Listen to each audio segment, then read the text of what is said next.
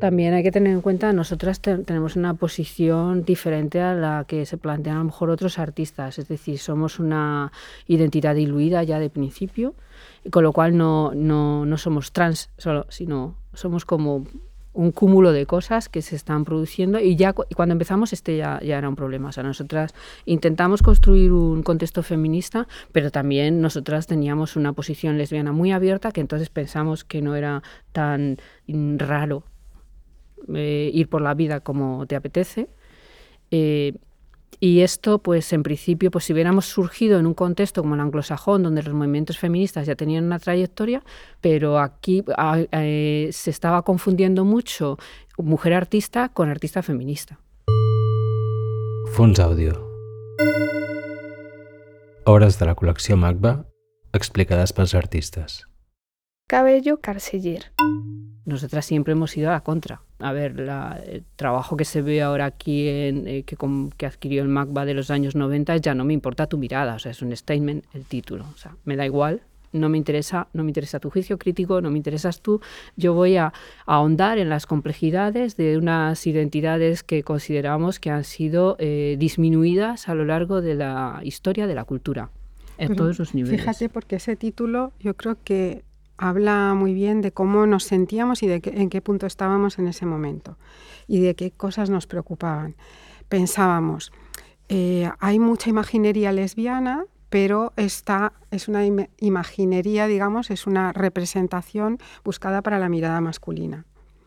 Y, y, y, ahora sí como nos sentíamos, porque por más que buscábamos, por más que leíamos, por más que Claro, es verdad que fue muy autodidacta en gran parte, una parte importante de esa búsqueda, ¿no? Porque aunque habíamos estudiado un máster en estética, etcétera, mm, toda la parte de construcción teórica, pues más queer, más feminista, fue muy autodidacta, no, no, no teníamos, totalmente, no, teníamos totalmente autodidacta. Había alguna persona trabajando, pues yo que sé, bueno, en Madrid estaba Estrella de Diego trabajando desde los feminismos con libros como El andrógino sexuado, que estaba muy bien, pero ya era el andrógino, no era el transgénero sexuado, o sea, eso nos puede poner muy bien en época, por ejemplo.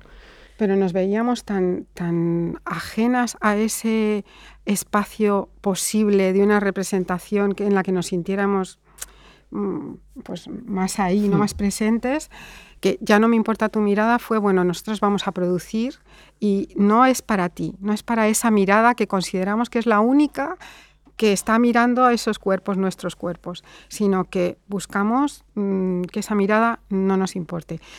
Visto desde ahora, pues dirías, es como demasiado sencillo, demasiado, igual incluso naif, ¿no? Pero, mm, pero habla mucho de ese momento. Es más punk. era más un poco que nos daba igual. Era evidente lo que querían. O sea, de, repente, ah, eh, pues como que mm, te lo venían a decir, ¿por qué no hacéis fotos de lesbianas? Que es lo que queremos nosotros ver. No, pero eso para empezar, eh, vete a Londres, puedes ver a Del Grace y tiene un montón de fotos y ya está. O sea, eh, no, mm, si necesitas eso, busca a un fotoperiodista que haga un reportaje, y por supuesto en blanco y negro y muy dramático, y, ya está. Nosotros estamos investigando en nuevas subjetividades y queremos hacer una, eh, no un acto de presencia, sino un acto de transformación que sabemos que es a largo plazo, no son 100 metros lisos, es maratón, nos va a llevar mucho más tiempo, pero sinceramente nos da igual porque lo, en ese momento, como eres joven, piensas que lo tienes. Sí. a lo mejor no. También estás experimentando y, estás buscando realmente un lenguaje propio y bueno, sí que eres consciente de que es un trabajo a largo plazo. Que no, Era un trabajo reflexivo filosófico, es decir, lo que es ese tipo de, de, obras son propuestas filosóficas. Nosotras ya estábamos en el activismo, estuvimos corto tiempo porque no nos interesaban los postulados. Eh, bueno, siempre hemos sido muy conscientes de la fuerza de la pluma y en ese momento, a principios de los 90, los movimientos ni los más radicales, salvando la radical gay, era el único que tenía como muy clara la fuerza de la pluma, el resto no. Entonces esa hostilidad que ya te la aguantas fuera de los movimientos sociales, pues, pues a lo mejor Pedro Lemebel, por ejemplo, nos sirve de buen ejemplo para ver cómo puedes seguir aguantando dentro de los movimientos sociales, ¿no? Pero eh, te tiene, eh, es como, son épocas parecidas pero contextos diferentes. Y nosotras estábamos en un momento de real o sea, nuestro interés estaba centrado en establecer propuestas críticas que alteraran no lo que la mirada, sino la concepción, las concepciones con las que la mirada trabaja a nosotras no nos parecía que los 90 fueran el momento para reivindicar eh, un, tema de, qué, genitalidad ha construido una obra, eh, un proyecto artístico o cuál no, sino que ya está, nosotras estábamos más interesadas en, cómo los feminismos habían afectado o cambiado o qué novedades habían introducido. Y eso tampoco lo terminaban de entender aquí. Y luego también era un poco incómodo que fuéramos lesbianas abiertamente también, porque entonces nosotras, eh, sin haber habido una, práctica feminista estable, eh, de repente ya te aparece la diferencia dentro de la diferencia y además esa diferencia es compartida, con lo cual también tenemos backgrounds distintos. Entonces era una posición compleja, pero no queríamos sacrificarla. Sí, y también era muy punky, como dices tú, porque realmente nos importaba un rábano todo. O sea, era, no, tenemos nada, no sabemos, eh, por más que buscamos, no tenemos de dónde partir, estamos aquí experimentando, investigando y bueno, pues vamos a producir esto porque realmente es lo que queremos decir. No teníamos ni presupuestos, o sea, que es que me, la mitad de las problemáticas que hay ahora no había, porque como no había ningún presupuesto, pues daba igual. Bueno, pues teníamos un lápiz, o sea que tampoco con un lápiz y una pared. No necesitas más.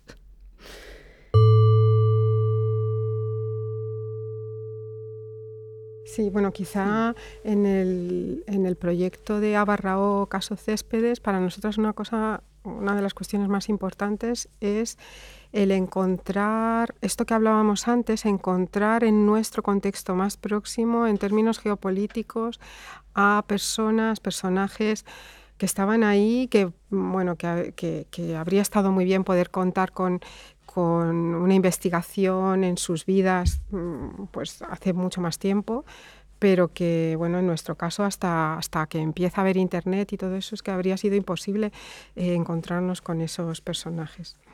Eh, Abarrao, que bueno, ya en el título anuncia esa idea de, de género posible eh, trans, pero que no sabríamos desde nuestra perspectiva de hoy cómo, cómo calificar a Elena, Eleno de Céspedes, ¿no? si realmente podríamos decir que fue transgénero, que fue lesbiana, masculina, si fue, qué, qué, fue, ¿no?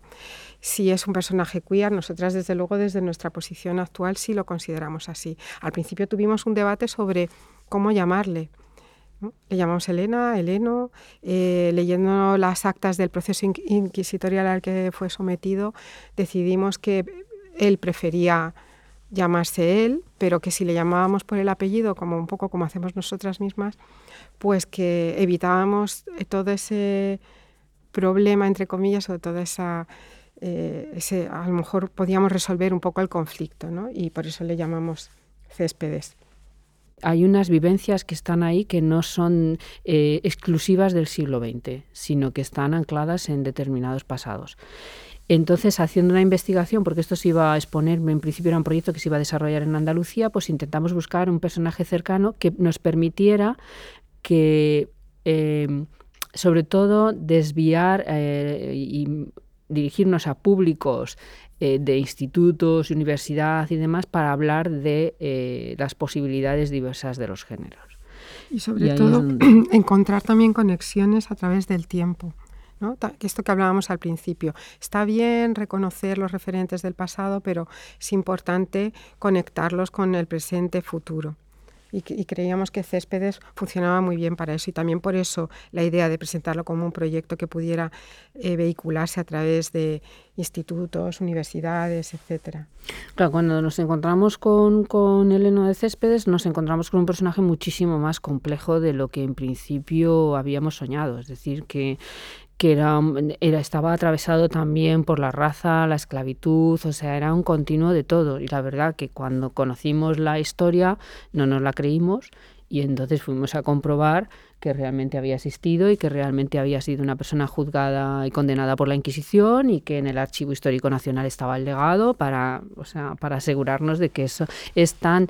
Eh, eh, truculenta en, algunas casos, en algunos momentos la su historia de vida, que tendríamos que comprobar que eso había tenido lugar. Y, y sí que encontramos el, en, en, el Archivo Histórico Nacional, encontramos el, el legajo y a partir de ahí empezamos a intentar llevar ese personaje, a esa persona, a nuestros días a través de un personaje que construimos para el audiovisual. Es decir, intentar conectar ese siglo XVI con el, con el XXI. Entonces hay algo, y había algunas referencias breves porque en el caso de Céspedes, al ser eh, originariamente Elena de Céspedes, es decir, es una identidad que no, es, no se la puede trasladar exactamente a nuestros días y aplicarle las mismas, eh, eh, las mismas etiquetas, entre comillas, que, aplicamos a nuestros cuerpos, porque está en otra época. Pero se, hubiera sido la primera cirujana titulada de la que se tiene noticia dentro de la cristiandad, digamos. Eh, porque había mujeres que se dedicaban a la, la medicina dentro del mundo musulmán, en la península ibérica, sobre todo eh, hacían ginecología y demás. Pero en el caso de Céspedes, como se, se, va a una identidad masculina y se hace llamar el heno de Céspedes, sí que se examina para practicar la cirugía. En, en ese caso, digamos que desbancaría a Henrietta Faber como la, la primera cirujana pero como estaba, se tituló mm, haciéndose pasar por hombre, pues entonces digamos que esa historia quedaba un poco oculta. Pero era un poco incómoda, digamos. Es que nos parecía que tenía que trascender incluso la escena artística, por eso enseguida pensamos mm. en un proyecto para universidad y tal, porque pensamos, es que esto puede ser realmente muy útil en muchos sentidos como herramienta para, para mucha gente que esté dando clase. Nosotras mismas también hemos aprendido mucho sobre esclavitud, por ejemplo, ¿no? estudiando el caso de Céspedes, muchas cuestiones que vimos que de repente decíamos, es que esto, o sea, ¿qué se estudia? Cuando estudias en el colegio o en el instituto, cuando estudias eh, historia, ¿qué hemos aprendido sobre la esclavitud en nuestro país? Prácticamente nada. Empiezas a meterte en esas lógicas de cómo funcionaban los esclavos, de cómo se comerciaba, de cómo se heredaba un esclavo o parte de un esclavo cuando fallecía mm. su Por propietario. heredar. Eh, y no dábamos crédito, decíamos, pero ¿cómo es posible que de esto no sepamos prácticamente nada? En ese sentido, queríamos que Abarrao Caso Céspedes fuera el inicio de algo. De hecho, es un proyecto que lo consideramos todavía abierto como para incluso poder seguir trabajando. O si sirve para abrir la puerta y que otras personas también puedan continuar o ampliar. Eh, también nos ha permitido conocer a investigadores como Israel Burshatin, con quien hemos colaborado para la última exposición individual que hicimos en el MUAC en México. Es una de las primeras personas que investigó en céspedes. También hay que tener en cuenta que las primeras investigaciones de céspedes son por parte de extranjeros una investigadora francesa, y Bursatin es estadounidense de origen cubano, es decir, que, sí que estuvo viajando por España y, haciendo una investigación y tuvo acceso a las actas inquisitoriales y los, los primeros textos más, eh, o sea, los textos de Israel son textos muy serios y muy fundamentados en lo que son las vivencias del momento, cruzándolo con la, la parte de historiografía, ¿no? no solamente la identidad, sino la identidad en contexto. Pero mira cómo es funciona el nivel de investigación, la seriedad de un investigador eh, estadounidense. Es él quien se pone en contacto con nosotras en cuanto eh, oye, o sea, se entera de que hemos hecho un proyecto artístico y entonces nos contacta eh, nos dice, he sabido de este proyecto, me gustaría mucho ver el vídeo completo, me gustaría mucho saber qué, estáis haciendo. O sea, es, impensable. O sea, no nos ha ocurrido nunca con un investigador, tengo que decirlo.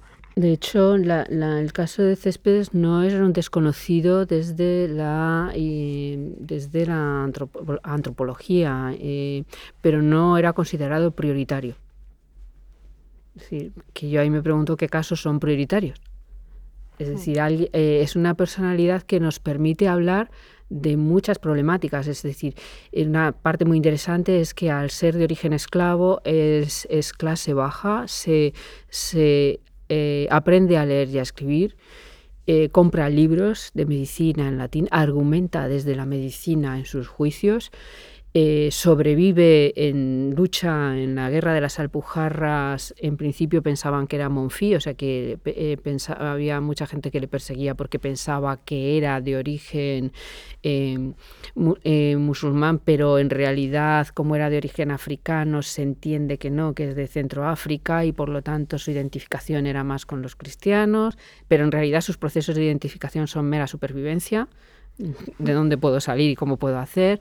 Se relaciona con muchos, eh, aprende a coser por su cuenta porque aprende, empieza a trabajar con un Sastre. Con un sastre.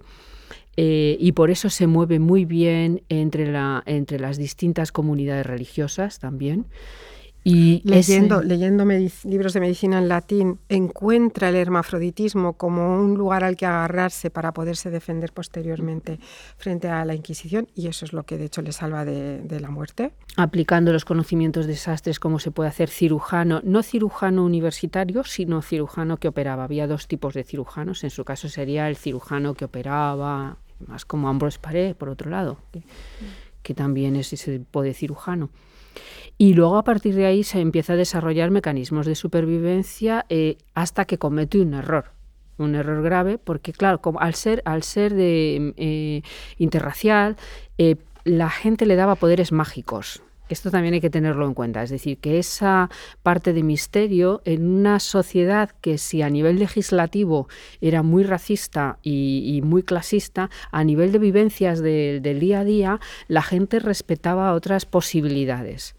De hecho, cuando a Céspedes le, le condena la Inquisición, eh, le condena eh, la, peor condena que le podía en principio poner después de la muerte, que es a vivir como mujer el resto de su vida y a trabajar en un hospital durante, no sé si eran 10 años. Y lo último que se tiene noticia es que el director de ese hospital pide que por favor Céspedes se vaya de allí, porque el hospital se había llenado de gente que iba a que Céspedes concretamente les curara. Y había colas de gente que querían que Céspedes les operara. Entonces, por eso le destierran ya a Extremadura, a la frontera con Portugal, y ahí se le pierde la pista. O sea que no sabemos qué pasó. Pero bueno, eh, esta, esta posición inestable de identidades nos permitía analizar muy bien cómo funcionan las estrategias. Su problema es cuando se quiere casar por la iglesia con una mujer y, y- y se casa por la iglesia con una mujer. De hecho, están diciendo que el caso de Marcela y Elisa es el primer caso en el que, en el que se casan por la iglesia dos mujeres. Estricto senso, digamos, eh, no sería el No primero. sería- Eh, sin embargo, Céspedes es negado incluso hasta hablar del caso de Marcela y Elisa y se considera que esto es un, problema del, de- del siglo XX, digamos, y no, esto estamos hablando de que hubo gente que lo consiguió y hubo gente que no lo consiguió. En su caso, como tenía muchos enemigos, pues le denunciaron.